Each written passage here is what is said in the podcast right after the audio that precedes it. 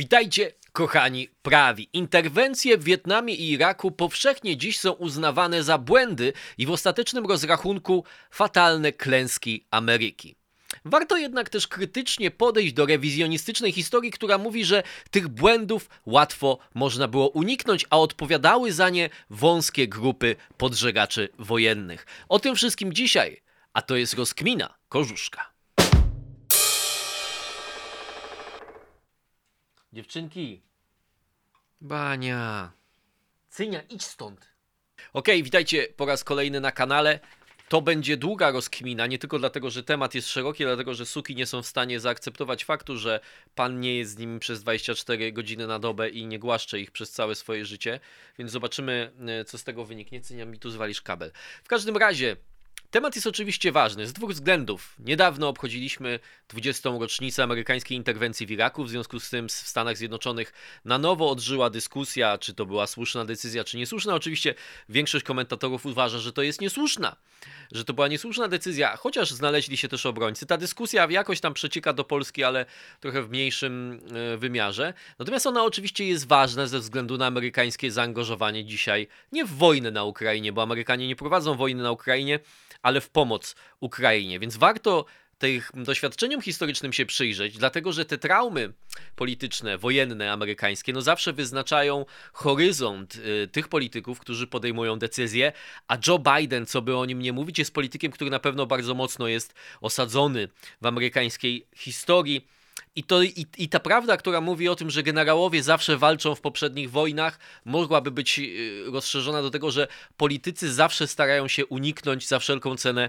błędów e, swoich poprzedników. Dlatego Irak i Wietnam, który moim zdaniem do tej pory wyznacza amerykańskie myślenie o zaangażowaniu międzynarodowym i tym, jak to zaangażowanie może się źle skończyć, e, są tak ważne. To będzie rozkmina, w której ja będę zadawał więcej pytań niż udzielał odpowiedzi. I może dla niektórych to być frustrujące, ale wydaje mi się, że ma to swoje głębokie uzasadnienie. Dlatego, że pytanie oczywiście można zadać proste: czy wojna w Iraku była słuszna? Ale to pytanie ma wiele w sobie składowych i właściwie jak zadamy tak proste pytanie, to odpowiedź na nie albo może być bardzo prosta i można argumenty zgromadzić na powiedzenie, że była słuszna i że była niesłuszna, ale jednocześnie tak uproszczone pytanie będzie ukrywało przed nami część prawdy, więc zadanie większej ilości pytań, rozdzielenie tego kluczowego pytania na wiele pomniejszych Czasem może być, ja się tego nauczyłem studiując filozofię, czasem to, że mamy coraz więcej pytań, jednocześnie prowadzi nas na jakiejś drodze ku poznaniu, mówiąc tak trochę górnolotnie, ale po prostu ku zrozumieniu różnych zjawisk w trochę lepszym, mniej plakatowo-hasłowym, nagłówkowym stopniu. I moim zdaniem obydwie te interwencje i w Wietnamie, i w Iraku przedstawiają podobne trudności analizie. Po pierwsze, mamy trudności aksjologiczne, których tak naprawdę czasem nawet polityka która w wydaniu swoim demokratycznym, kiedy my decydujemy o tym, kto będzie e, nami rządził, kto będzie najbardziej często e, ciężko strawne decyzje podejmował, nawet ona nie udziela tak naprawdę odpowiedzi na te kluczowe pytania o charakterze takim aksjologicznym. Tak? Muhammad Ali, słynne powiedzenie jego, jak on unikał e, poboru w wojnie w Wietnamie, mówił: Żaden Wietnamczyk nigdy nie nazwał mnie czarnym, ale oczywiście w tym pejoratywnym znaczeniu to słowo tak zwane, jak to mówią Amerykanie, N-word. Czyli innymi słowy, moje interesy nie mają wielkiego związku z tym, co dzieje się e, w Wietnamie. I to pytanie, czy amerykańscy chłopcy muszą ginąć w obcym rejonie świata i to wśród ludzi, których nie rozumieją, wśród ludzi, którzy nie do końca chyba chcą, żeby ci amerykańscy chłopcy e, tam byli i za sprawę, której nie wszyscy do końca, którą nie wszyscy w taki jasny sposób rozumieją.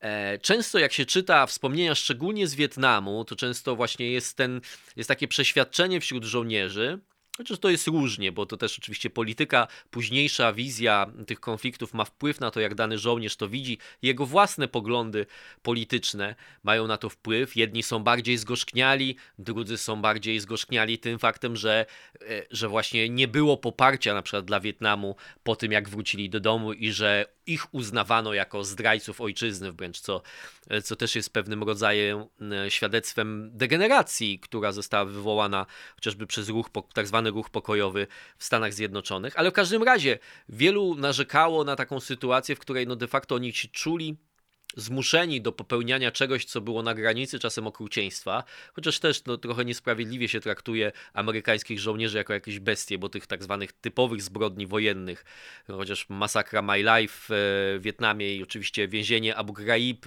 to są typowe przykłady, ale w porównaniu z innymi wojnami, innymi armiami świata, to i tak armia amerykańska wypada dużo skorzystniej. Natomiast im, im chodziło o taką sytuację, w której de facto no, oni nie mieli narzędzi, żeby sobie poradzić chociażby z tym, żeby odróżnić kogoś, kto jest cywilem, od kogoś, kto może być albo przedstawicielem Wiet Wietkongu, albo jakimś bojownikiem Al-Kaidy, czy tych innych ruchów dżihadystycznych, które walczyły w fazie tej wojny, która, która przerodziła się już w wojnę e, partyzancką. I de facto takie poczucie zgorzknienia, które wynikało z tego, że to politycy i dowódcy zmusili ich do tego, żeby oni się zachowywali jak bestie. I, i jakby i tu pojawia się zrozumiałe pytanie, i to jest pytanie wśród opinii publicznej, wśród polityków, skoro USA wydają nam się, że są bezpieczne, nie ma bezpośredniego zagrożenia, czy jakakolwiek śmierć po drugiej stronie świata jest w ogóle czegokolwiek warta amerykańskiego żołnierza. Jak mówił Joe Biden, to Richard Holbrooke w swoim pamiętniku, o tym chyba już kilka razy mówiłem na tym kanale, taką rozmowę z Bidenem, w której Biden powiedział: Nie wyślę tam w sensie do Afganistanu swojego chłopaka po to, żeby bronił praw kobiet. No bo to było jedno z uzasadnień, którym się posługiwała także demokratyczna strona tej debaty, Madeleine Albright czy Hillary Clinton chociażby o tym mówiły w sprawie interwencji w Afganistanie, bo rzeczywiście no, traktowanie przez Taliban kobiet było jedną z największych zbrodni i jest teraz tak naprawdę po tym, jak Joe Biden wycofał e, wojska mm, amerykańskie z Afganistanu. Natomiast no, problem tego argumentu jest też taki, że on łatwo jest można go sprowadzić po równi pochyłej. Może nie do absurdu, ale właśnie po równi pochyłej.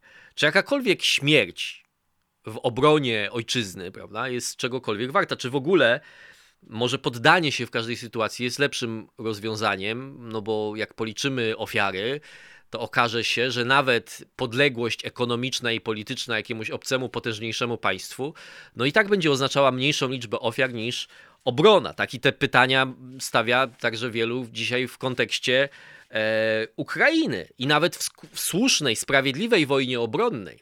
Ile, ile ofiar jest uzasadnione dla celu, który staramy się zrealizować, czyli obrony swojej wolności, swojej państwowej suwerenności. Tak? No i ktoś mógłby powiedzieć, a może jest jakaś granica tych ofiar, prawda? Może jak 200 tysięcy osób, Ukraińców zginie w obronie swojej ojczyzny, to wtedy należy powiedzieć, no teraz już straty przewyższają ewentualne dobro, które moglibyśmy uzyskać, teraz należy się poddać. No ale znowu, nikt sobie nie wyobraża, kto realnie myśli o polityce, jakiegokolwiek rządu na świecie, kto by po, który podjąłby decyzję na zasadzie takich kryteriów, bo pojawia się w każdej wojnie to, co się nazywa sunk cost fallacy, czyli, czyli taki błąd, błąd lub nie błąd, ale tak to się mówi, yy, tak to Amerykanie, analitycy wojskowi nazywają, czyli że jeżeli już miałeś tyle poświęceń, jeżeli jakby Ukraińcy w tym momencie mogli powiedzieć, skoro poświęciliśmy 190 tysięcy czy ilość tam naszych najlepszych młodych ludzi w tej walce, to byłoby zdradą ich poświęcenia, gdybyśmy teraz się poddali. Podobna logika, mimo tego, że nie była to wojna obronna, często też pojawia się, szczególnie pojawiała się w wojnie wietnamskiej, ale miała miejsce także w tych innych e, interwencjach Stanów Zjednoczonych, między innymi podczas późniejszej okupacji Iraku. Następne pytanie, które można zadać: czy wynik zaangażowania danego Ameryki ma znaczenie? W wojnie w Korei zginęło 33 tysiące amerykańskich żołnierzy, mniej niż w Iraku, ale to była wojna, która trwała zaledwie przez 3 lata. E, iracka wojna, można powiedzieć, trwała, zaangażowanie Stanów Zjednoczonych w Iraku to można powiedzieć trwało nawet 20 lat, a sama wojna 10, prawda? Od y, oficjalnego zaangażowania wojsk lądowych w 65 roku do wycofania z Saigonu w 75. Tak, w Wietnamie zginęło amerykańskich żołnierzy, wydaje mi się, mniej, minimalnie mniej niż 50 e, tysięcy, tak? I czy w takim razie to poświęcenie w Korei tych 33 tysięcy żołnierzy było coś warte? dlatego że Korea Południowa przynajmniej została obroniona, dzisiaj jest demokratycznym państwem i kluczowym sojusznikiem Stanów Zjednoczonych w regionie. Pomimo tego, że Syngman Rhee i jego reżim miał te same problemy, albo nawet poważniejsze, ktoś mógłby powiedzieć, co reżim południowo-wietnamski też nie był w pełni działającą demokracją, a właściwie w ogóle nie był demokracją, była potężna korupcja i tak dalej, i tak dalej. E, I tak samo, czy poświęcenie 4000 żołnierzy w Iraku miałoby sens, gdyby efekt był lepszy ostatecznie, gdyby efekty tej wojny były bardziej korzystne dla y, USA. I w tych analizach, ponieważ zawsze można użyć takiego argumentu, który powie, no śmierć każdego żołnierza jest niewarta czegokolwiek, prawda? Y, w ogóle wojna jest bez sensu. To w tych analizach jest często brak konsekwencji. W Korei na przykład zginęło średnio i statystycznie ginęło dużo więcej cywilów podczas działań zbrojnych niż ginęło w Wietnamie. Nie mówiąc już o tym, że na przykład bombardowania Niemiec podczas II wojny światowej było dużo bardziej mordercze dla cywili niż bombardowania Wietnamu. I pytanie jest takie, czy dlatego mamy obraz Wietnamu jako tej strasznej zbrodniczej wojny, w której zrzucano e, bomby na dżunglę, palono chaty niewinnych e, wietnamskich wieśniaków. Co oczywiście się zdarzało czasem, ale też były to doniesienia często podkręcane przez media amerykańskie. Czy, czy to dlatego jest, że, że Wietnam się tak zakończył, a nie inaczej, a wojna druga światowa jest inaczej postrzegana? E, jak Robert McNamara, potem sekretarz obrony w, w, administracji i Kennedy'ego i Lyndona Bainesa Johnsona, który był w czasie II wojny światowej doradcą e, sił powietrznych amerykańskich, powiedział, że za te rzeczy, co robiliśmy, w, w domyśle na przykład bombardowanie niemieckich miast, to gdybyśmy nie wygrali, stanęlibyśmy przed e, Trybunałem Wojennym. I problem też jest taki, że USA są imperium globalnym, które może prowadzić wojny z wyboru. I te wojny oczywiście mają konsekwencje geopolityczne, ale nie zawsze są wojnami w imię narodowego przetrwania. Ktoś może powiedzieć, Stany Zjednoczone są uzależnione od ropy, ropa jest wydobywana na Bliskim Wschodzie, więc Stany Zjednoczone mają e, bardzo długofalowe interesy w Zatoce Perskiej. Zresztą między słowami to członkowie na przykład administracji Busha i sam Bush tak właściwie to przyznawali. E, więc ustabilizowanie tego regionu, e, jakaś kontrola nad tym regionem ma wpływ na dobrobyt, ale to bezpośrednie połączenie z bezpieczeństwem i życiem Amerykanów nie jest tak zawsze oczywiste. I argument z amerykańskimi chłopcami ginącymi po drugiej stronie świata właściwie zawsze można odwrócić na głowę i powiedzieć tak, czy to nie jest świadectwo potęgi danego państwa, że właśnie o swoje bezpieczeństwo ono, ono może zabiegać e, w dalekich regionach świata. A prowadzenie przez to państwo wojny tak naprawdę nie ma żadnego wpływu na bezpieczeństwo obywateli no, żyjących na terenie tego kraju. To jest komfort, na które niewielu, niewiele państw w historii świata mogło sobie e, pozwolić. Czyli w tym sensie te rzeczy są nieoczywiste. Drugi problem z analizą tych wojen jest taki, że historia alternatywna nie istnieje. Ja często to podkreślam, tak? Amerykanie mówią you can't prove negative, to znaczy ta hi historia, która się nie wydarzyła, jest możemy o niej tylko spekulować, ale jednocześnie jest też taki rodzaj błędu poznawczego, który się popełnia patrząc no, retrospektywnie na to, co się wydarzyło, że my uznajemy, czasem idealizujemy też tą historię, która się nie wydarzyła, alternatywną, że w niej nie, nie byłoby problemów. Tak? Ale można zadawać pytania dzisiaj, jak wyglądałby Bliski Wschód z Saddamem, bez amerykańskiej interwencji. Noah Rotman w najnowszym numerze National Review, który chyba no jest niezbyt wpływowym tygodnikiem, ale jednym z niewielu, e, które jeszcze, mm, jakby to powiedzieć, zachowują te tradycje interwencjonistyczno-neokonserwatywne w amerykańskim ruchu e, republikańskim czy prawicowym, konserwatywnym. E, chociaż oczywiście politycznie ten, ten nurt też jest dosyć mocno reprezentowany, na pewno jest mocno reprezentowany w różnych think tankach, ludziach, którzy mają wpływ na prowadzenie polityki bezpieczeństwa w Waszyngtonie. Tak? Ale on właśnie próbuje taki argument stworzyć, znaczy, że można różne rzeczy mówić o wojnie w Iraku, ale świat e, i Bliski Wschód zyskał na tym, że Saddam został odsunięty od władzy. Tak samo można zadawać pytanie, jak wyglądałaby Azja Południowo-Wschodnia bez obrony Wietnamu Południowego przez USA. A, in, a szerzej można jeszcze zadać pytanie, jaki byłby efekt w ogóle zimnej wojny i przebieg zimnej wojny, gdyby Stany Zjednoczone nie postawiły oporu tej agresji komunistycznej w Wietnamie. Michael Lind, liberał, wcale nie konserwatywny, ale chyba zwolennik tej tradycji tak zwanych zimnowojennych liberałów, o których jeszcze chwilka, za chwilę powiemy, napisał taką książkę Vietnam The Necessary War, czyli Wietnam, wojna niezbędna, e, która odchodzi od wielu takich no, utartych właściwie już aksjomatów w interpretacji tego, czym był Wietnam. E, I on mniej więcej tworzy taki argument, w uproszczeniu oczywiście go przedstawiam, bo argument jest bardzo ciekawy i sama książka jest bardzo ciekawa. Chociaż nie sprawdziła się teoria domina, którą posługiwali się zwolennicy interwencji w Wietnamie, a teoria domina mówiła tyle, że jak y, obrazowo to przedstawia sam, mm, sam ten wizerunek domina, że po upadku czy dostaniu się w ręce komunistów jednego państwa, w tym przypadku państwa w Azji Południowo-Wschodniej, następne państwa szybko pójdą śladem tego państwa. No i nawet po opuszczeniu Wietnamu w 1975 roku teoria domina w tym sensie się nie sprawdziła, że Indonezja i inne kraje e, gdzieś tam w okolicy, Kambodża to oczywiście jest trochę inny przypadek, ale w każdym razie nie nastąpiło natychmiastowe przejęcie przez komunistów tych różnych państw. Natomiast Lind mówi o tym, że trzeba wziąć pod uwagę też taki czynnik, że ta interwencja amerykańska, która zatrzymywała ten pochód komunizmu w Wietnamie, przynajmniej południowym przez chwilę, no miała też taki walor, że dała czas tym różnym demokracjom czy półdemokracjom, rozwijającym się demokracjom, jak tokolwiek nazwać w regionie, na w pewnym sensie umocnienie się. I wtedy, gdy e, Wietnamczycy z północy znale, znaleźli się już na dobre w Saigonie, te inne E, kraje regionu były lepiej przygotowane e, na ewentualne powstania komunistyczne e, u siebie. Tak? W każdym razie, ja tylko to przywołuję jako przykład tego, że niektórzy posługując się tą historią, znaczy pokazując, że to miało też swoje dobre strony, to co się wydarzyło, pomimo wszystkich kosztów, których nie można negować, ale właśnie problem w uznaniu zasadności tych argumentów jest taki, że to jest tylko spekulacja.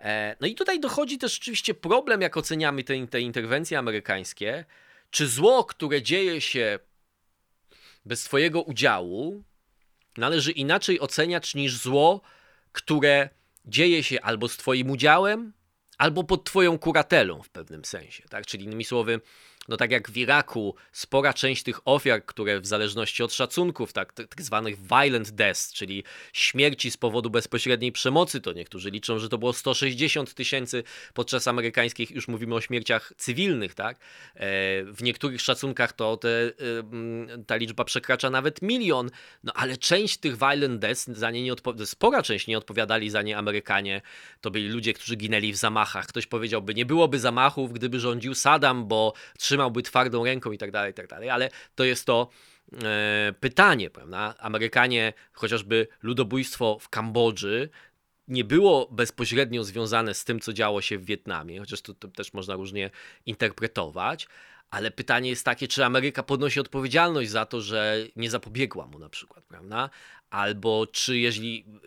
To, to, są, to są pytania, które są kluczowe i to są pytania tak naprawdę, które też wybiegają daleko poza tylko politykę. To są pytania, które pojawiają się też w antropologii. To jest ta, taki sam przykład, jak jakiś badacz, prawda, etnolog trafia do plemienia, które nie zna najpodstawowych e, jakichś osiągnięć dzisiejszej medycyny, prawda?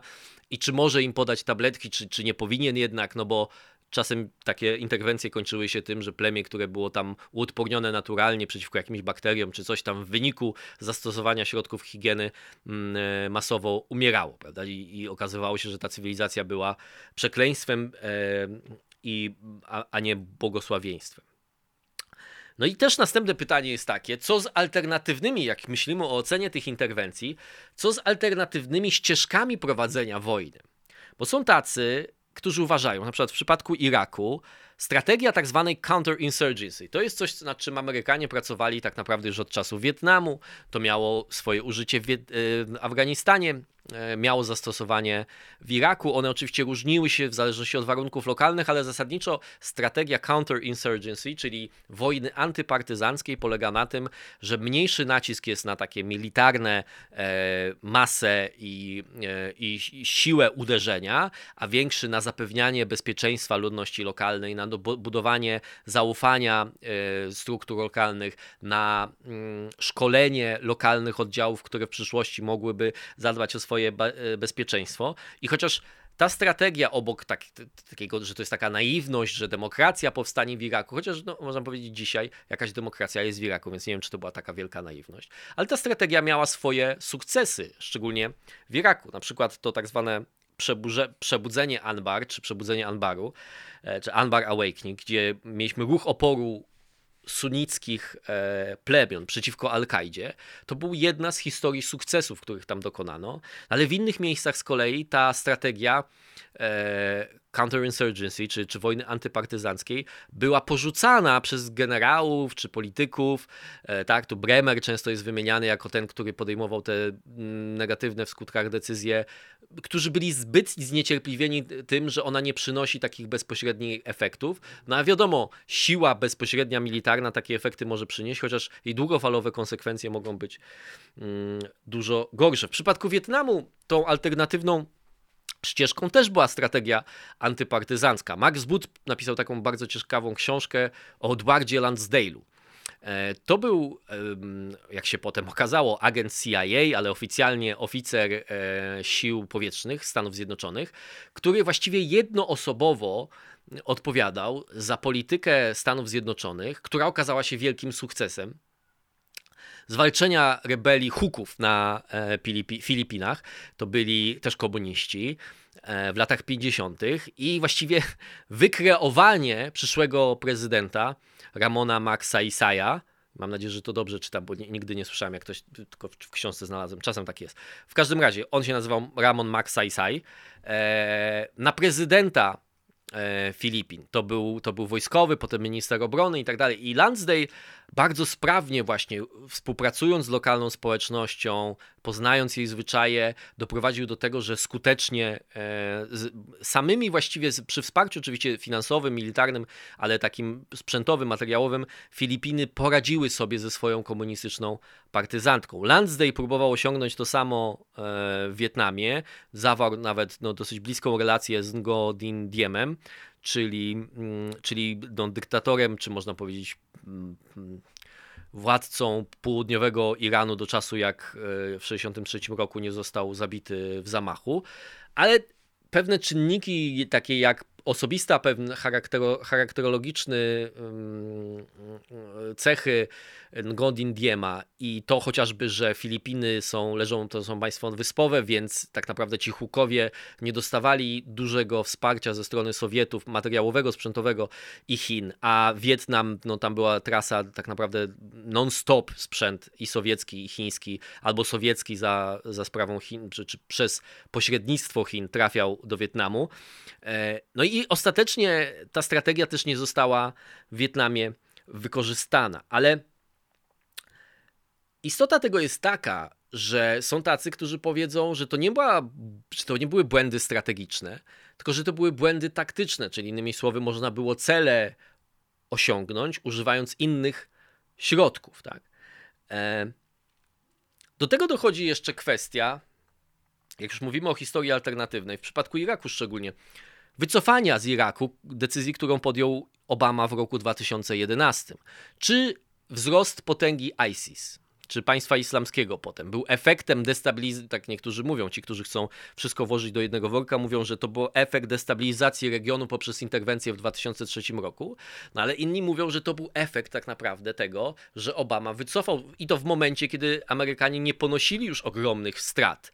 E, I chociaż oczywiście wyzwania były w wielu miejscach frustrujące i po, progres nie był taki, jak najwięksi optymiści się spodziewali, to był progres, tak? I no i zresztą Obama musiał amerykańskie wojska przywrócić do Iraku w roku 2014. I znowu można powiedzieć, że to jest następny jakby odnoga tego pytania. Nawet jak ktoś powie, że interwencja sama w sobie i potem decyzja o okupowaniu Iraku była niesłuszna i nieuzasadniona, to pytanie jest takie, czy potem jest racjonalnie, e, czy racjonalne jest to, że polityk nie wykorzystuje zysków, które jego państwo mimo wszystko wypracowało. Nawet jeżeli założymy, że te zyski e, były jakby osiągnięte kosztami, które były niewspółmierne, to znaczy, że, że, nie uzasadniały tych kosztów, to jeśli już te koszty ponieśliśmy, to zawsze się pojawia pytanie, czy nie należy przynajmniej wyzyskać tego, tych zysków, które, e, mamy. Ale obok tej historii alternatywnej, która zasadniczo mówi, że nie znamy świata, w której Stany Zjednoczone nie podejmują decyzji o tym, żeby interweniować bezpośrednio zbrojnie w Wietnamie, albo Stany Zjednoczone nie, nie interweniują i nie obalają Saddama Husajna, ale też jest inna wersja historii alternatywnej, która moim zdaniem jest szczególnie niebezpieczna, no właśnie z punktu widzenia tego, jeśli zakładamy, że historia ma nas czegoś uczyć. I ta historia alternatywna mówi właśnie to, że e, tworzy karykaturę rzeczywistości. E, i tak naprawdę ta karykatura polega na tym, że to wszystko było łatwe, że ludzie, którzy podejmowali te decyzje, mieli jakiś moment szaleństwa, albo byli pod wpływem jakiegoś lobby szalonego, albo lobby, które nie miały interesu Ameryki em, na względzie. E, że tak naprawdę te decyzje polityczne byłoby, tych, tych wszystkich błędów byłoby bardzo łatwo uniknąć. I to jest taka historia sanityzowana, nie wiem jak to powiedzieć, oczyszczona po prostu ze wszystkiego, co stanowi trzon i tak naprawdę e, sól historii, czyli z tych wszystkich złożonych relacji, w których politycy tkwią, podejmując te decyzje. W przypadku Wietnamu ta, to oczyszczenie tej historii było też możliwe dzięki no, losowemu wydarzeniu, które miało z nią niewielki, niewiele wspólnego, jak mówi, mm, mówią dane historyczne to znaczy zabójstwu e, Johna Fitzgeralda Kennedy'ego 22 listopada 1963 roku w Dallas. Bo śmierć Kennedy'ego stała się wygodną cenzurą, cezurą dla wielu ludzi, żeby obarczyć kompleks jakiś militarno-przemysłowy, jakiś, jakiś podżegaczy wojennych, tajemniczych, jakąś ciemną stronę amerykańskiej duszy za to, że została wywołana wojna w Wietnamie. Być może, jak się na przykład ogląda filmy Olivera Stone'a, to ten, e, to ten wniosek nie jest wcale tak prowadzony między wierszami. Być może ci sami ludzie, którzy zabili Johna Fitzgeralda Kennedy'ego, czyli właśnie te, te, te ciemne siły military, militarystyczno-wojenne, prowojenne, tak naprawdę zabiły go dlatego, że on chciał wycofać amerykańskie wojska z Wietnamu. Wtedy jeszcze nie wojska liniowe oficjalnie, tylko doradców amerykańskich. Czyli ci sami ludzie, którzy są odpowiedzialni za wojnę w Wietnamie, może są odpowiedzialni za śmierć Johna Fitzgeralda Kennedy'ego. Nawet to poszło do takiego stopnia, że Robert McNamara, który nie tylko był sekretarzem obrony i u Kennedy'ego, i potem u Johnsona, jest uznawany za jednego z architektów amerykańskiego zaangażowania w Wietnamie. E, sam zaczął się tłumaczyć i właściwie zwalać winę na innych w swoich pamiętnikach. To się nazywa, ta książka ma tytuł chyba In Retrospect, czyli właśnie w retrospektywie. W retrospektywie wszystko jest łatwo zwalić na kogoś innego i nawet w rozmowach e, z takim dziennikarzem lewackim Dawidem Talbotem, który właśnie tworzy taką alternatywną wizję rzeczywistości, w której gdyby tylko Kennedy nie został zabity, to Ameryka nie byłaby rasistowska, nie byłoby wojny, wszystko byłoby wspaniale. I on w rozmowie z tym dziennikarzem mówi tak, że on jest przekonany, że Kennedy powstrzymałby wojnę. Co jest kompletnie myśleniem historycznym. Kennedy jeszcze po rozmowie z Chruszczowem, takiej konfrontacji w Wiedniu, która jemu dała sporo do myślenia, bo Kennedy stwierdził, że, że Chruszczow ma go za jakiegoś chłystka, który po prostu będzie go łatwo zapędzić do narożnika i po prostu zastraszyć. E, Kennedy mówi wtedy takie słowa, że musimy postawić tamę, we have to take a stand, tak? czyli musimy stanąć twardo przeciwko komunizmowi i mówi wprost, myślę, że tym miejscem jest Wietnam. Kennedy jeszcze jako senator mówił o istotności Wietnamu. Pamiętajmy, że wtedy cały czas, jeszcze jak Kennedy był senatorem, to toczyła się wojna w Wietnamie, która była prowadzona przez Francuzów, ale finansowana w dużej mierze przez Stany Zjednoczone. Eee, więc Kennedy tak naprawdę oczywiście mówił wiele słów o tym, że ta wojna jest pewnym zagrożeniem, ludzie z jego otoczenia potem tworzyli wizję, że tak naprawdę on się bardzo tego obawiał, ale rekord historyczny mówi jednoznacznie, nie było żadnych planów. Nie było żadnych planów ograniczenia obecności amerykańskiej w Wietnamie, tak? Tak samo Johnson, który jest jednoznacznie dzisiaj już nie do obrony i jest uznawany za tego największego czarnego diabła w, e, w, całej sprawie wietnamskiej, jakby posłuchać, on też nagrywał wiele swoich rozmów na, na taśmy, jakby posłuchać tych jego rozmów, to tam gdyby, ja, ja tak zawsze mówię, gdyby Johnson został zastrzelony przed y, sierpniem, czy w sierpniu, czy w lipcu została podjęta decyzja o wysłaniu amerykańskich wojsk liniowych do Wietnamu, to na podstawie tych wszystkich jego wypowiedzi, o Boże, co to jest za bagno, w co oni mnie wciągają, przecież to nigdy się nie skończy i tak dalej. Mnóstwo jest takich wypowiedzi Johnsona. E, i, I, gdyby został zastrzelony, to spokojnie z, z, niego można by było zrobić drugiego Kennedy'ego i powiedzieć, że on tak naprawdę tej, woj tej wojnie by zapobiegł, bo on jej nie chciał, bo uważał, że ona jest bezsensowna, ale i to jest, i to jest ten fałsz w patrzeniu na politykę. Tak? To znaczy, że ci ludzie, jeśli to zrobili, to musieli nie wiedzieć o tym, albo byli tacy głupi, że nie rozumieli, jakim bagnem może stać się Wietnam. Tylko, że prawda, być może bardziej skomplikowana i być może trudniejsza do zaakceptowania jest taka, że wiedzieli, że zdawali sobie z tego sprawę w dużej mierze, ale jednocześnie mieli poczucie, że nie mają wyboru, że, e, że muszą to zrobić z wielu względów. Prawda? E, I ten, ta, ta, ta, ta, wizja alternatywna, że Kennedy powstrzymałby Wietnam, jest kompletnie jest kompletnie fałszywa, bo większość ludzi Kennedy'ego z McNamarą na czele przeszła wprost do administracji Johnsona. Pamiętajmy, Johnson był wiceprezydentem, oczywiście można powiedzieć, wiceprezydent ma niewielki wpływ i Johnson miał niewielki wpływ, ale wziął ze sobą większość doradców. I jeden z najbardziej absurdalnych twierdzeń jest to, że jaki, jakiś kompleks militarno-przemysłowy w domyśle reprezentowany przez najwyższych dowódców armii amerykańskiej, którzy instytucjonalnie zgromadzeni byli w kolegium szefów połączonych szefów sztabów, to jest największy absurd w całej tej historii, bo oni zostali absolutnie zmarginalizowani przez McNamara. I e, o ile można wyciągnąć z ich obrad e, stwierdzenia, że chcielibyśmy więcej wojsk, że rekomendujemy większe zaangażowanie, tak, że jeden mówił więcej bombardowania, drudzy, który był szefem korpusu Marines, to mówił więcej Marines.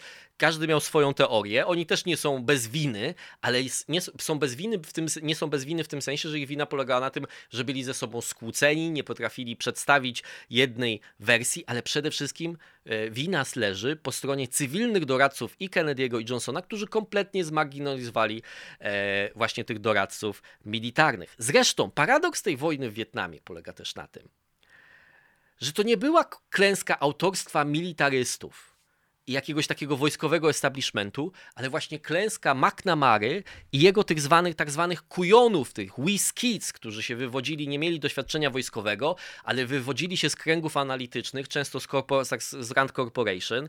E, McNamara sam oczywiście, jak wiecie, był, był szefem Forda wcześniej i mieli taki stosunek bardzo lekceważący do wszystkich wojskowych, dlatego że uważali, że oni, e, mając metody analizy systemowej, teorii gier i różnych innych odkryć z granicy socjologii, prawda, innych e, dziedzin nauk społecznych, mogą w bardzo łatwy sposób stworzyć pewną naukową i przewidywalną metodę e, prowadzenia wojny. Zresztą następny paradoks jest taki, że ta że Wietnam był dokładnie prowadzony z zgodnie z ich doktryną, tak? To znaczy oni stworzyli, czy mniej więcej to środowisko, ten New Frontiersman, tak, z Kennedy'ego, stworzyli doktrynę elastycznej odpowiedzi, która była z kolei odpowiedzią na doktrynę Massive Retaliation, czyli potężnej odpowiedzi, w, którą, której zwolennikiem była e, administracja Eisenhowera. Eisenhower uważał, że można obciąć budżet obronny na wojska konwencjonalne właśnie dlatego, że będziemy grozić Związkowi Sowieckiemu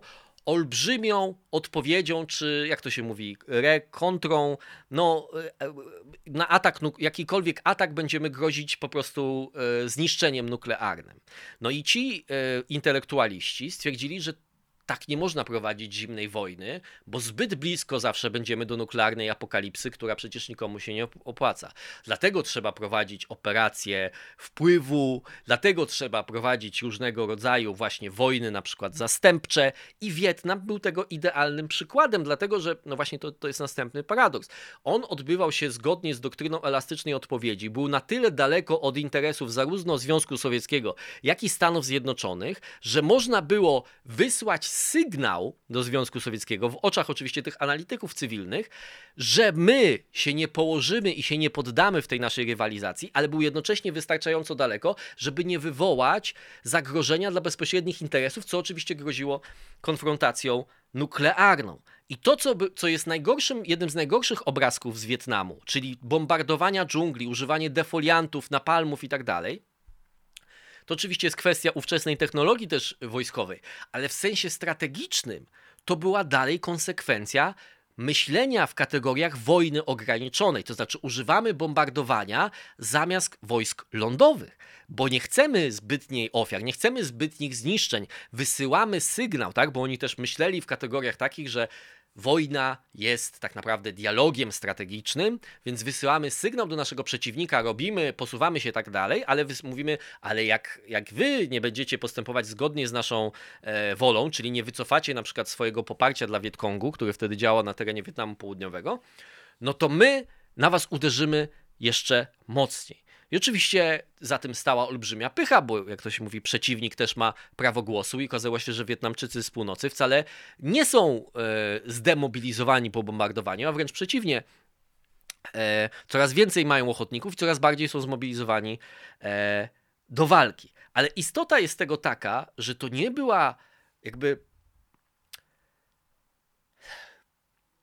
Wietnam był taki, jaki był i był hekatombą, nie dlatego, że było jakiś kompleks militarno-przemysłowy, który był wielkim miłośnikiem hekatomby, ale właśnie dlatego, że byli ludzie, cywilni doradcy, mądrale, którzy powiedzieli: Wy wszyscy nie macie pojęcia o tym. I zmarginalizowali ten kompleks i chcieli i wierzyli w to, że umieją kontrolować wojnę i prowadzić wojnę na zasadzie teorii gier i różnych tego typu E, wynalazką. Jeden z najbardziej absurdalnych elementów wojny w Wietnamie, że to nie była wojna o terytorium, chociaż rzeczywiście w przypadku wojny partyzanckiej trudno taką wojnę prowadzić i takiego przeciwnika, ale jak się czyta pamiętniki e, żołnierzy z Wietnamu, to jedną rzeczą, na którą oni zawsze najbardziej narzekają, jest to, że iluś poległo próbując zdobywać e, jakieś wzgórze, po czym po dwóch dniach ciężkich walk Amerykanie robili sobie zdjęcie, lądowały helikoptery i zabierały żołnierzy z tego wzgórza. A z czego to wynikało? A wynikało to też z podejścia McNamary między innymi i jego ludzi do wojny, dlatego że oni właśnie narzucili takie przekonanie, że tak naprawdę teren nie ma znaczenia, liczy się tylko to, co, co się nazywa kill ratio, czyli body count, żeby zabić dziesięciu ich zamiast jednego naszych i teoria była taka, że w końcu Amerykanie są w stanie skwan- to, co jakby na wojnie dla McNamara liczyło się tylko to, co mogło ulec kwantyfikacji, czyli było policzalne, dlatego że bez analizy kwantyfikowalnej on uważał, że zarządzanie w ogóle jest niemożliwe, bo tak zarządzał korporacją Forda, więc tak będzie zarządzał też Departamentem Obrony. Stąd oczywiście też oskarżenia na przykład o zbrodnie wojenne, które wynikały niby z tego, że Amerykanie liczyli ofiary cywilne jako ofiary żołnierzy Wietkongu, a to ostatecznie miało doprowadzić do, do tego tak zwanego punktu przełomowego, w którym e, e, Wietnam z północy nie byłby w stanie odtwarzać już swoich sił, znaczy strat by było za dużo. Ale istota jest tego taka, że twierdzenie, że to jakaś obsesja na punkcie wojny doprowadziła do tej klęski, jest kompletnie nieprawdziwe. No i w tej alternatywnej historii, i to też jest moim zdaniem bardzo niebezpieczne, mieści się też wygładzanie czy oczyszczanie komunistów z wszelkich zarzutów. Bo jeżeli kultura amerykańska za sprawą no, takich przekłamań, czy, czy w pewnym sensie częściowej prawdy, która była przedstawiana w filmach o Wietnamie, we wspomnieniach różnego rodzaju, w muzyce oczywiście, która zawsze jest częścią każdego filmu o Wietnamie, musi być, musi być hipisowska muzyka rockowa i tak dalej. E, to doszło do przegięcia, które, które polegało na tym, że jeżeli uznaliśmy, że motywy Stanów Zjednoczonych nie były takie czyste, a wręcz może były skorumpowane, były złe, no to logiczne jest to, że nasz przeciwnik musiał być szlachetny. I, i to jest oczywiście ogromna nieprawda w całej tej historii. Ho Chi Minh był szkolony przez Sowietów, najpierw był komunistą w Paryżu, potem mieszkał w Związku Sowieckim. E, po tym, jak komuniści przejęli władzę na północy, miliony Wietnamczyków uciekło na południe. Ocenia się, że 10 tysięcy rolników straciło życie, podczas, znaczy po prostu zostało zamordowanych, bo straciło życie, to jest nieprecyzyjnie, podczas przymusowej kolektywizacji. Vietming, czyli no, ta organizacja, powiedzmy partia, e, był organizacją nie tylko komunistyczną, ale stalinowską i zwalczał skutecznie zresztą wszystkie nurty niepodległościowe, inne polityczne, niekomunistyczne w Wietnamie. Zresztą więźniem komunistów był właśnie Ngo Dinh Diem, e, który potem był władcą w Wietnamie Południowym. E, ale amerykańska propaganda antywojenna zrobiła z Ho, wujka Ho, Oczywiście on był uwielbiany przez sporą część populacji. To też ciężko to, to, to mówiąc sprawdzić, ale wydaje się, że tak było. I rzeczywiście był skromny, tak? Chociaż Led One, który stał za jego plecami, już taki skromny i, i, taki ascetyczny nie był, ale w każdym razie, że to jakiś taki ascetyczny wojownik antykolonialny o niepodległość swojego kraju i właściwie ten komunizm jego to w ogóle nie miał żadnego tak naprawdę znaczenia, to była jakaś tylko taka łatka przypięta, bo akurat takie były czasy. E, Susan Sontag, jedna z amerykańskich liberałów, e, która zresztą to jest też ciekawe, że to oszustwo dotyczące Wietnamu Północnego odbywało się w Stanach Zjednoczonych po tym, jak już przeżyła lewica amerykańska jeden szok związany z oszustwem stalinowskim. Prawda? W latach dwudziestych wszyscy mówili, że to wspaniały kraj i tak dalej, i tak dalej. Więc oni już to wiedzieli, ale i tak nie byli w stanie uwierzyć w to, co widzą. Susan Sontag, zachwycona Wietnamem Północnym, jak to wszyscy razem pracują, być może mówią, może to jest nawet lepsza organizacja społeczna niż nasza, amerykańska, bo wszyscy mają wspólny cel. Jedna rzecz jej tylko nie pasowała, że wszędzie wisiały portrety Stalina. I ponieważ no to jakoś trudno było jej ze swoim zachwytem połączyć, bo jednak Stalina uważała już w tym momencie za niezbyt sympatycznego człowieka, doszła do wniosku, że e, i jest to napisane wprost w jej książce, że to po prostu jest efekt niezwykłej takiej cnoty oszczędności Wietnamczyków, którzy po prostu jak już coś mają, to bardzo wzdragają się przed tym, żeby to wyrzucić do śmieci. Po prostu tacy są i tyle. E, no więc tak właśnie, tak właśnie było. E, I do oczywiście wokół tego została stworzona cała legenda też listów Ho Chi Minha do, wysłanych do Trumana. One to są faktyczne listy, ale twierdzenie, że to była rzeczywiście jakaś szansa, że gdyby Ameryka nie była zbombardować, to można by było się z komunistami z Wietnamu dogadać nie. Ho był częścią międzynarodówki komunistycznej. Oczywiście ostatecznie wypowiedział wojnę potem, znaczy nie Ho, tylko no, Wietnam e, komunistyczny wypowiedział wojnę Chinom. Różnie się te rzeczy toczyły, ale jego ideologiczne zabarwienie i antyamerykanizm myślę, że nie, nie, nie pozostawały nigdy wątpliwości. I też to, to, to wybielenie e, Wietkongu i Wietnamu i Wietminhu E, spowodowało też wybielenie postaw no, takich y, balansujących albo wprost zdradzieckich po stronie amerykańskiego ruchu antywojennego. Znaczy to, że określono Wietnam jako porażkę, jako błąd i, i jako coś, czego Ameryka nie powinno robić, e, zostało przeniesione także na to, że rację mieli ci w takim razie, którzy z flagami Wietkongu e, chodzili po amerykańskich miastach. I do tego oczywiście, jak już mówimy o tej historii, która zupełnie zmienia charakter tego, co się wówczas działo, to warto przypomnieć, że e, Gulf of Tonkin Resolution, czyli tak naprawdę ta mm, rezolucja, która dała szerokie uprawnienia Johnsonowi do e, prowadzenia działań wojennych, została przegłosowana zdecydowaną większością obydwu izb kongresu. Tam były chyba, już nie pamiętam, cztery głosy sprzeciwu w izbie i chyba dwa w senacie, jeżeli dobrze pamiętam. E, I to tłumaczą ci, którzy chcą zrzucić odpowiedzialność na wąską grupę ludzi, że to było tak zwane credibility gap, czyli że Johnson okłamywał opinię publiczną i także elity polityczne Stanów Zjednoczonych e, na temat tego, jak tak naprawdę wojna w Wietnamie się toczy. Tylko, że to jest nieprawda w tym sensie, że Johnson rzeczywiście kłamał wielokrotnie i manipulował e, na swoją niekorzyść zdecydowanie, jak wielu uważa, ale to jest inna kwestia. Natomiast z drugiej strony, jak obejrzycie sobie na przykład dokument Kena Burns, Burnsa 10-odcinkowy, 20 godzin materiałów filmowych, to Wietnam, w Wietnamie zginęło chyba 450 korespondentów e, wojennych. A to dlatego, że oni byli wszędzie. Właściwie nie ma ważnej bitwy, której e, toczyła się, gdzie nie byłaby kamera i to jeszcze z korespondentem, który relacjonował je, je na żywo. To się nigdy wcześniej nie wydarzyło i nie wydarzyło się nigdy później. Więc mówienie, że Amerykanie nie mieli świadomości, co się dzieje w Wietnamie, a jednocześnie rozdano, nie wiem, 70 nagród Pulitzera za reportaże o Wietnamie, jest, jest troszeczkę e, nad wyraz.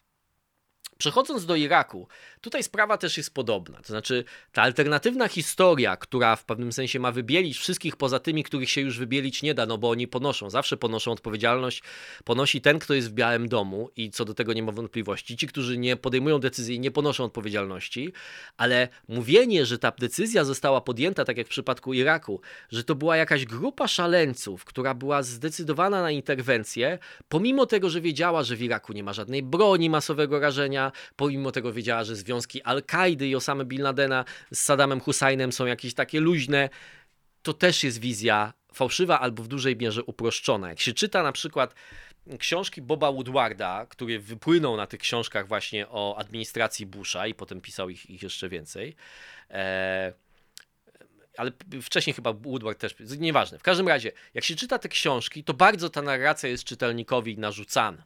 Jak się, są pierwsze narady, co zrobić w sprawie Al-Kaidy po atakach 11 września, to Ramsfeld, który był wtedy mm, ministrem, tfu, sekretarzem obrony oczywiście, już przychodzi i mówi, zaczyna mówić, o, a tutaj jest Irak, Irak, to znaczy rzeczywiście, ja nie mówię, że fałszywie są przedstawiane te rzeczy, natomiast wizja, która, narracja, która się toczy, jest taka, że Afganistan to był właściwie, no tam trzeba pójść, ale ci wszyscy ludzie, a Ramsfeld był też w administracji Busha seniora, e, że oni mają jakąś obsesję niedokończonej sprawy z Irakiem Saddama Husajna i nieważne o to, czy to ma jakikolwiek związek z zamachami 11 września, oni chcą tam po prostu wejść i oni chcą tam zrobić porządek i tak naprawdę teraz e, szukają pretekstu. E, I to trochę jest nieprawda. Dlatego Wietnam odbywał się w czasie, gdy zagrożenie nuklearną konfrontacją z Sowietami, nie tylko przez kryzys kubański, kubański, kupiański, e, nie tylko przez kryzys kubański, ale też przez wiele innych kwestii było naprawdę realne. Kennedy naprawdę obawiał się, że krok w tył w relacjach z Chruszczowem, pomimo tego, że dzisiaj mówisz, że Chruszczow to był taki gołąbek pokoju i on tak chciał się dogadać, ale oczywiście lobby militarno-przemysłowo, kompleks militarno-przemysłowo-żydowski nie pozwolił na to w Stanach Zjednoczonych i tak dalej. Kennedy naprawdę się tego bał. E, a z Irakiem jest tak, że Amerykanie rzeczywiście obawiali się kolejnych ataków terrorystycznych. Czy to była paranoja, czy te ataki mogły się wydarzyć? E, to jest pytanie otwarte, chociaż wydaje mi się, że w dużej mierze nie była paranoja to i dużo ataków po 11 września na pewno udało się powstrzymać. E, I realne też było zagrożenie i też administracja Busha brała to zagrożenie, że najgorszy możliwy przypadek to nie jest powtórzenie 11 września, ale sytuacja, w którym tak zwany rogue state, tak, czyli bandyckie państwo, państwo nieuznające porządku międzynarodowego narzuconego światu przez Stany Zjednoczone po II wojnie światowej, wykorzysta swoją pozycję do ataku za pomocą broni e, nuklearnej. Tak? I istota tego jest też taka, że trauma Ameryki w tym momencie była tak wielka, że scenariusz, o którym dzisiaj się mówi, moim zdaniem wtedy był politycznie niemożliwy. Oczywiście to, to jest daleko od tego, żeby powiedzieć, że interwencja w Iraku była konieczna i nie dało się jej uniknąć. Natomiast jak ktoś dzisiaj mówi, że wojna z terrorem tak naprawdę należało ją prowadzić tylko za pomocą e, wywiadu, działań wywiadowczych i działań służb operacji służb specjalnych, tak jak idealnym przykładem tego jest operacja z likwidacji y, Osamy Bin Ladena, prawda? Czyli najpierw wywiad, a potem SEAL Team wchodzi raz, dwa, trzy, pięć strzałów załatwione, czyli punktowych uderzeń w komórki terrorystyczne, a nie rozpoczynanie wojen na pełną skalę to wydaje mi się, że w atmosferze, która wtedy była, wystarczy sobie przypomnieć to słynne przemówienie e, George'a W. Busha na gruzach World Trade Center. Ci ludzie, którzy to zrobili, niedługo o nas usłyszą, tak? Nie, nie pozostawimy tego w ten sposób. E, trzeba wziąć ten kontekst na pewno też pod uwagę. Ja nie mówię, że nie można było tego powstrzymać, na przykład interwencji w Iraku, ale trzeba ten kontekst e, wziąć pod uwagę. Natomiast tak jak w przypadku e, Stanów, tak jak w przypadku Wietnamu i Ho Chi Minha, też mamy aż nie do tego stopnia, bo nie było tej fascynacji tym ascetycznym, ani Saddam Hussein nie był lewakiem, ani nie był ascetyczny, więc niewiele było w, nim czegoś, co jakby na zasadzie takiej fascynacji orientalnej amerykańska lewica mogła u, uchołubić. Natomiast jakby podobny schemat jest przeprowadzany. Znaczy mówi się, że no to był reżim autorytarny, ale stabilny jednak, prawda? USA, że są historie, że w 90 latach w Bagdadzie to było mlekiem i miodem płynący kraj i tak dalej. e, i że USA nie dały Irakowi nic lepszego w zamian. No i odpowiedź na to pytanie nie jest prosta. Witold Repetowicz o tym pisał też na wątku na Twitterze, to jest bardzo ciekawe. Ja się też na tym nie znam tak bardzo, nie znam się na tym regionie, żeby powiedzieć, że umiem to ocenić, ale pojawiają się argumenty, które mówią chociażby tyle, że no Irak jest demokracją, do dziś demokracją, która ma swoje problemy, nie zawsze tam są wybierani ludzie, których chciałyby Stany Zjednoczone widzieć w tej roli, ale na przykład nie, to demokracja, która nie gra w jednej drużynie z Iranem, tak? E, nie jest państwem, w której mniejszość rządzi większością, w której większość jest de facto e, prześladowana, tak? Nie jest państwem, w której Kurdowie są mordowani. PKB Iraku dzisiejszy jest dziesięciokrotnie większy niż ten w roku 2000 trzecim. I tu oczywiście zawsze się pojawia pytanie, czy to było warte tylu ofiar. No i odpowiedź na to wracamy znowu do tej kwestii aksjologicznej. To znaczy, że nikt z nas nie ma formuły, w jakiej może przeliczyć dobrobyt, nie wiem, miliona ludzi na śmierć tysiąca ludzi, czy śmierć setki ludzi, czy to jest warte tyle, czy wolność y, miliona ludzi, czy jest warta śmierci tysiąca e, ludzi. Natomiast warto podkreślić przy tym wszystkim, jak już mówimy o tym wybielaniu, wybielaniu Sadama i tworzeniu tej alternatywnej historii, to fakt, że rzeczywiście miało miejsce manipulacja danymi wywiadowczymi. Ktoś powie kłamstwo wprost, to jest kwestia dyskusyjna, że w Iraku już w tej chwili są, jest broń masowego rażenia, dlatego musimy natychmiast wchodzić. To pewnym sensie, paradoksalnie, to stworzyło iluzję, że Irak, ponieważ nie miał tej już gotowej broni masowego rażenia, to nie był w tym momencie zagrożeniem dla Stanów Zjednoczonych, dla regionu i dla całego e, świata. Trzeba pamiętać, że to nie był losowo wybrany punkt na mapie. O, ten dyktator nam się nie podoba, chcemy zrobić wojnę. Ja mam interesy w, w Halliburton, Cheney na przykład, a ktoś tam inny ma udziały w jakichś firmach zbrojeniowych. No to walmy, tak jak taka lewacka, można powiedzieć, e, martyrologia e, tu sugeruje. Stany Zjednoczone miały zobowiązania do stabilizacji Iraku, misje prowadziło e, lotnicze od po 91 roku, czyli po pierwszej operacji Pustynna Burza. E, w 98 roku przeprowadziło operację kinetyczną, która była odpowiedzią te, na to, że nie wpuszczano inspektorów ONZ mm, do Iraku. I te podejrzenia, że e, w Iraku trwają prace nad bronią masowego rażenia, nie były wyssane z palca. Demokraci stworzyli taką wizję, że to tylko paranoicy z frakcji wojennej e, George'a Busha w to wierzyli, ale to jest kompletna nieprawda. Kenneth Pollack, który był członkiem Rady Bezpieczeństwa Narodowego e, w administracji Billa Clintona, w 2002 roku mówił, o, znaczy mówił, że w 2002 roku rozmawiał z 20 inspektorami ONZ i wszyscy oni mieli przeświadczenie, że Irak prowadzi operację wzbogacania, wzbogacania uranu. E, Madeleine Albright w 1998 roku sekretarz stanu w administracji Billa Clintona mówiła tak: Ryzyko, że liderzy bandyckiego kraju użyją przeciwko nam broni nuklearnej, chemicznej lub biologicznej, jest jednym z największych zagrożeń, z którymi mamy do czynienia. W sensie Stany Zjednoczone. Sandy Berger, doradca do spraw bezpieczeństwa narodowego Billa Clintona, mówi: On, w domyśle Saddam Hussein, użyje broni masowego rażenia, tak jak to zrobił już 10 razy od 1983 roku.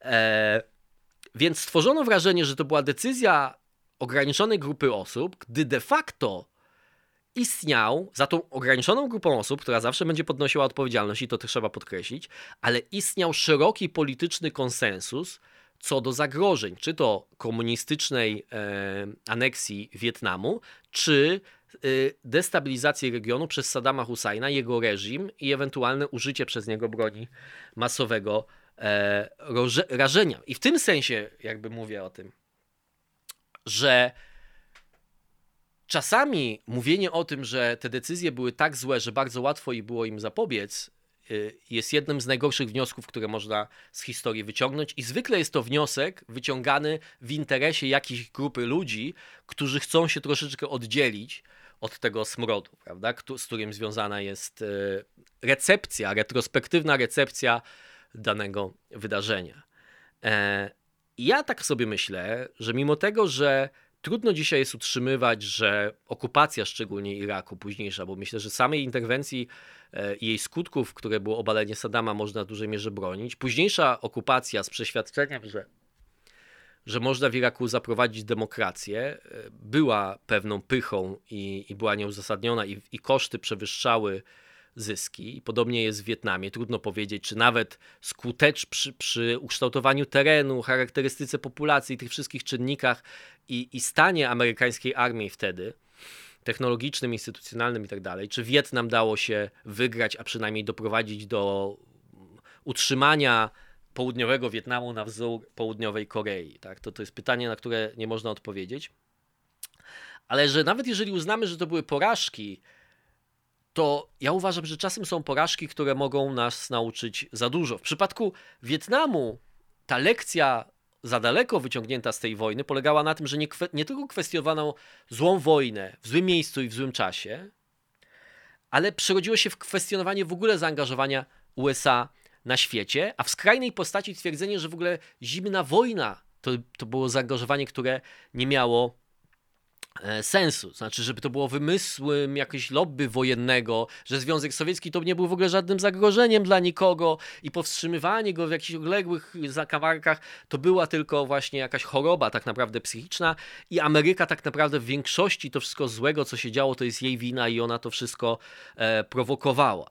E, I to przesłoniło oczywiście, jeżeli chodzi o zimną wojnę, że strategia powstrzymywania, doktryna Trumana, odbudowa Niemiec, odbudowa Japonii, ostateczne pokonanie komunizmu i włączenie do struktur zachodnich naszego regionu Europy Środkowo-Wschodniej, to są bezprecedensowe i historyczne sukcesy i za tymi hi historycznymi sukcesami stała polityka zagraniczna i zaangażowanie międzynarodowe Stanów Zjednoczonych.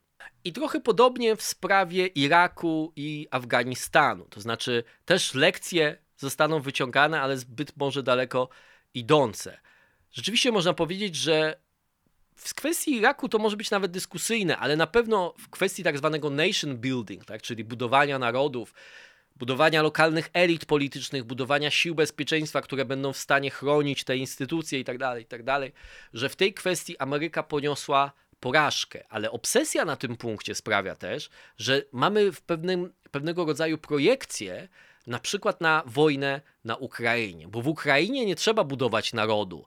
W Ukrainie amerykańscy żołnierze nie giną, Ukraińcy bronią się sami, czyli w pewnym sensie ten stan idealny, który próbowano osiągnąć w Afganistanie, jest już stanem wyjściowym. Ale mimo to uznaje się, że to jest podobna wojna. Trump na przykład w tym swoim przemówieniu, o którym mówiłem na SIPAC, powiedział coś takiego, że pomagamy ludziom, którzy nawet nas nie lubią. I to jest kompletna nieprawda. Może to jest przy, w wielu przypadku wielu Afgańczyków, Irakijczyków to jest prawda, ale to nie jest prawda w przypadku. I zresztą zawsze to jest przesadzone. To znaczy, to ilu było Afgańczyków, którzy uciekali i próbowali się łapać tych samolotów w Afganistanie, ilu było Wietnamczyków, którzy naprawdę zostali pozostawieni sami sobie i naprawdę ich życie się polepszyło. Ja nie wiem, czy to była większość, ale też jakby to jest zawsze w tej, e, w tej narracji Ameryka zła, Ameryka zbrodnicza, Ameryka kolonialna, to jest zawsze coś, co jest gdzieś, pod, po, musi zostać pozostawione z boku, bo nie, dosta, nie pasuje do normalnej narracji. Ale jak Trump mówi, że Ukraińcy, może jego Ukraińcy nie lubią, on ma jakiś uraz do Ukraińców, do Zeleńskiego za pierwszy impeachment, ale na pewno nie jest to prawdą wobec, mm, wobec narodu ukraińskiego, że on w jakiś sposób nie lubi e, Ameryki. Ale to jest w pewnym sensie projekcja jego myślenia o Afganistanie i Iraku na konflikt e, ukraiński. Już na sam koniec, jak rozważamy te interwencje amerykańskie, to zawsze moim zdaniem to nie jest tylko dyskusja pomiędzy interwencjonistami a izolacjonistami, bo moim zdaniem pełne zrozumienie tego doświadczenia historycznego wymaga od nas też zrozumienia, że nawet jeżeli jesteśmy zwolennikami interwencji, to często ten tak zwany backlash, czy reakcja amerykańskiej kultury na to, że taka interwencja nie poszła do, do końca po naszej myśli, a można z dużym dozą realizmu zakładać, że żadna interwencja nie okaże się idealna, że będą sytuacje przekroczenia uprawnień przez żołnierzy, będzie więcej ofiar niż się wszyscy spodziewali. To jest wojna, prawda? Ale że te reakcje zawsze sięgają dużo dalej niż komuś się spodziewał. I Wietnam razem ze śmiercią Kennedy'ego doprowadzi, wywołał głębokie przede wszystkim przemiany w partii demokratycznej. Absolutnie zostali na boczny tor i właściwie odeszli do lamusa tak zwani Cold War Liberals, tak? czyli ci, którzy często na przykład, tak jak Kennedy, e, startując w wyborach przeciwko Nixonowi, e, e, rywalizował z nim, kto tutaj jest większym jastrzębiem. Tak? George McGovern, który potem był kandydatem na prezydenta, gdy Lyndon Johnson zrezygnował z, z kandydowania, no de facto był, był kandydatem stronnictwa antywojennego. I konsekwencja Wietnamu jest taka, że ta e, e, antyamerykańska, e, antyzachodnia w pewnym sensie lewica, która uznaje, że Stany Zjednoczone nie są siłą czyniącą dobro na świecie, chociaż może czasami nieumiejętnie, czasami niekompetentnie i tak dalej, ale siłą, e, która podważa to, co u, u, źródeł wiary w amerykańskość legło, czyli to American Exceptionalism, tak, czyli amerykańską wyjątkowość, stała się dominującą siłą w partii demokratycznej. I to wyznaczyło chociażby ideologiczne podejście Baracka Obamy, które potem było redukowane przez pragmatyzm, bo zawsze tak jest, że polityk może mówić, to wszystko jest bez sensu, ale potem widzi, jakie są de facto konsekwencje zerwania z pewnymi zobowiązaniami i tak jak Obama potem musi się wycofywać, tak jak wy, wycofywał się z wycofania w Iraku i wycofywał się z resetu z Rosją.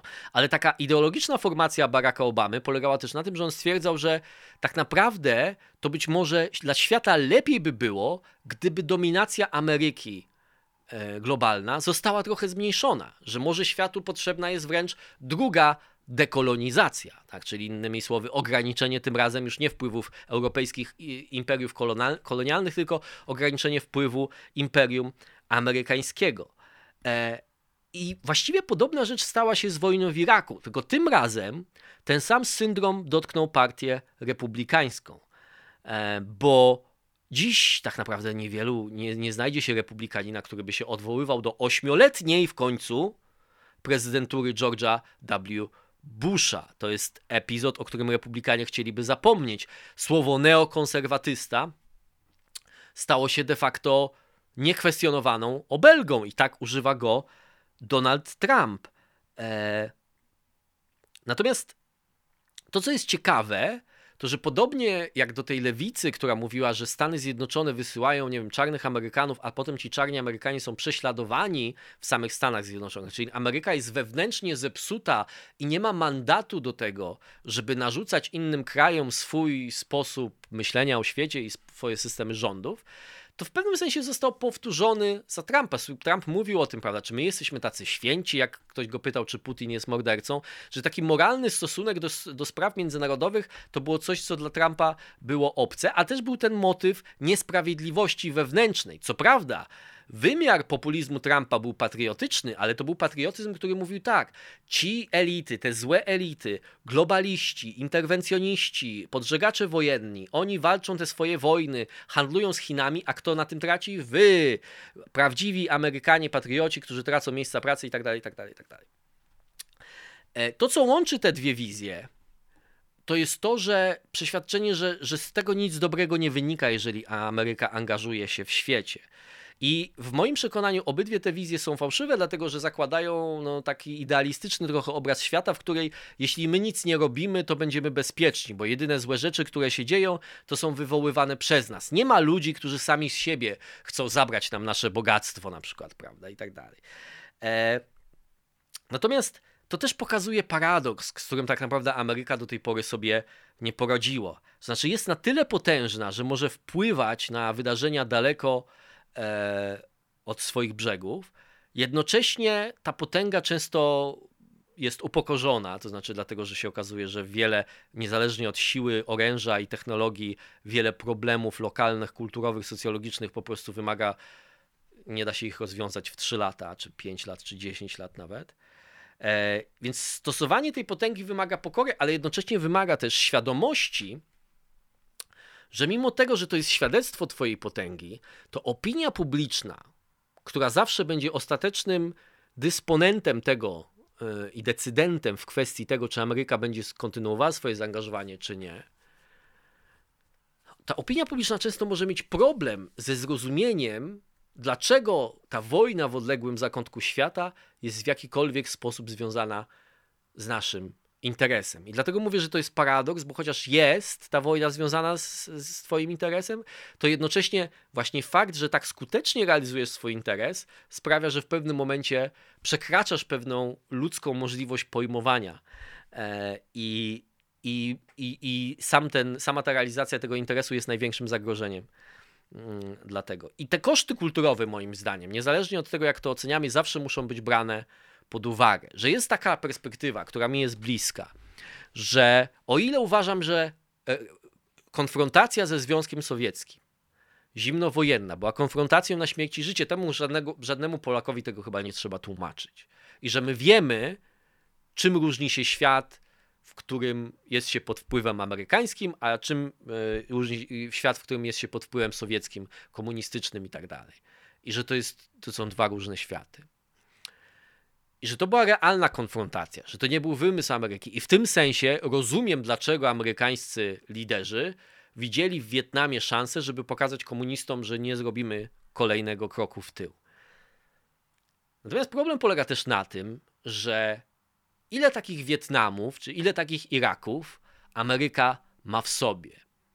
Bo skoro konsekwencją Iraku jest to, że Amerykanie są niechętni nawet wobec zupełnie innej, sprawiedliwej, toczonej autonomicznie wojny, to być może to jest z naszego punktu widzenia też polskiego interesu, to jest coś, czego, co ostatecznie ma, ma więcej negatywnych konsekwencji niż pozytywnych. Znaczy, że tak samo, tak samo z zimną wojną. Ostatecznie chęć prowadzenia zimnej wojny w sposób elastyczny, bezpieczniejszy dla Amerykanów, bo takimi intencjami moim zdaniem kierowała się administracja Kennedy'ego i administracja Johnsona doprowadził do tego, że Amerykanie zwątpili w, w całą zimną wojnę.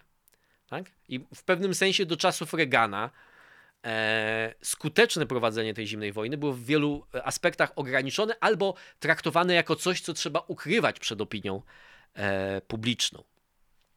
Bardzo długo mówiłem, jestem bardzo ciekawy Waszego zdania, e, ale czas już kończyć tą niezwykle długą rozkminę. Mam nadzieję, że nie przekroczyłem godziny. Jak przekroczyłem, to jest to wina zdecydowanie SUK oraz lobby militarno-przemysłowego i podżygaczy wojennych. Do zobaczenia.